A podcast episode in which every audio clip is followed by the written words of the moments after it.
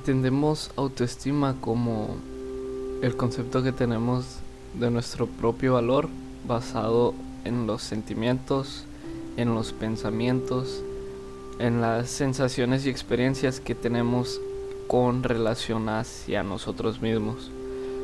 La autoestima nunca va a depender de lo que tienes, de lo que sabes o de lo que eres.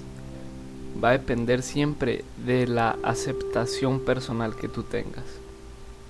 El ser humano tiende a evitar ya no enfrentarse a lo que te da miedo. Y, y pues esa es la, es la salida más sencilla, rápida y fácil a corto plazo, porque elimina la ansiedad que esa situación le provoca. Pero ahora se sabe que el principal enemigo de nuestra autoestima baja es no hacer nada. Y es que se ha comprobado que la autoestima no depende del resultado de tus actos, depende simplemente de que actúes.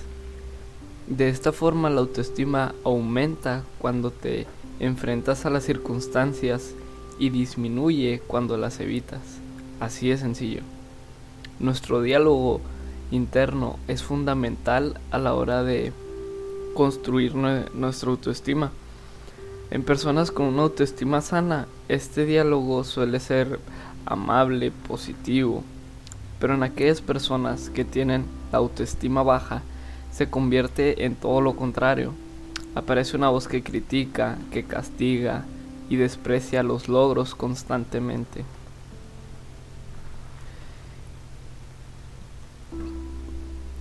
Esa voz interior es irracional y suele interpretar cualquier situación de la peor forma posible, incluso cuando no hay pruebas objetivas para llegar a esa conclusión. ¿Qué tenemos que hacer?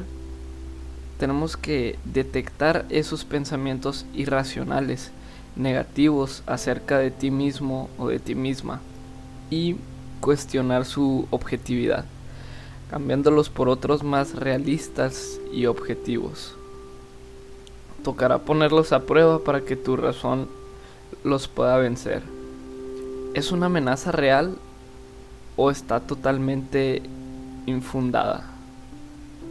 Identifica en qué situaciones aparecen y qué es lo que te dicen exactamente.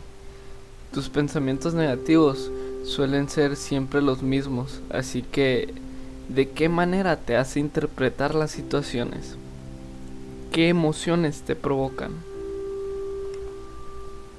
Cuanto mejor entiendas las emociones que te causan, menor poder tendrás sobre ti y es que reconocer la emoción que sientes reduce su impacto. Cuando una persona tiene la autoestima baja, no se quiere, no se acepta y no valora sus cualidades que muchas veces no va a ser capaz ni siquiera de verlas. Probablemente deje de ir a, a encuentros sociales, deje de probar cosas nuevas y de enfrentarse a retos por miedo a no conseguirlos, ya que seguramente crea que no será capaz de lograrlo y le falte seguridad en su día a día. Hoy en día sabemos que todos y cada uno de nosotros nacemos con una serie de cualidades, características o fortalezas que son nuestros puntos fuertes. Son aquellas habilidades que se te dan especialmente bien.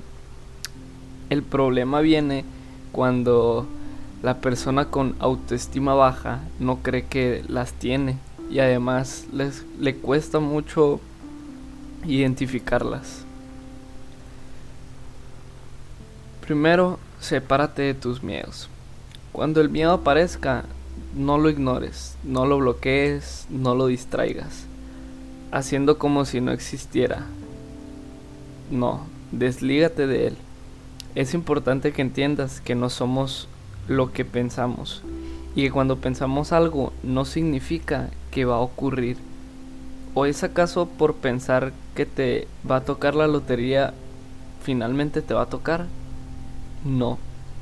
Somos meros observadores de nuestros pensamientos. A nuestra mente le encanta bombardearnos con pensamientos negativos y aquí tu tarea es dejar de identificarte con ellos. De esta forma van a perder todo su poder. Para mejorar la autoestima es fundamental aprender a perdonarnos por nuestros errores. Tengo un podcast, si no lo has escuchado, para que lo vayas y lo escuches, que se llama Aprender de los errores. La autocompasión está muy relacionada con el autoconcepto, que es uno de los cuatro elementos que forman la autoestima, y consiste en tratarte con la misma empatía con la que tratarías a uno de tus amigos. Esto es darte apoyo y ser comprensivo contigo mismo, en lugar de criticarte y estarte juzgando constantemente. Implica aprender a calmarte y a reconfortarte para volver a intentarlo una vez más. En lugar de castigarte cada vez que cometes un error. Hay muchos ejercicios y actividades para desarrollar la autocompasión, pero el más sencillo es hablarte de la misma forma que lo harías con un amigo que la estuviera pasando mal. De esta forma vas a empezar a ver tus problemas como algo que estás experimentando y no como algo que te define. Le dirías a un amigo tuyo que no sirve para nada o que no es capaz de hacer nada bien. Seguramente no, ¿verdad?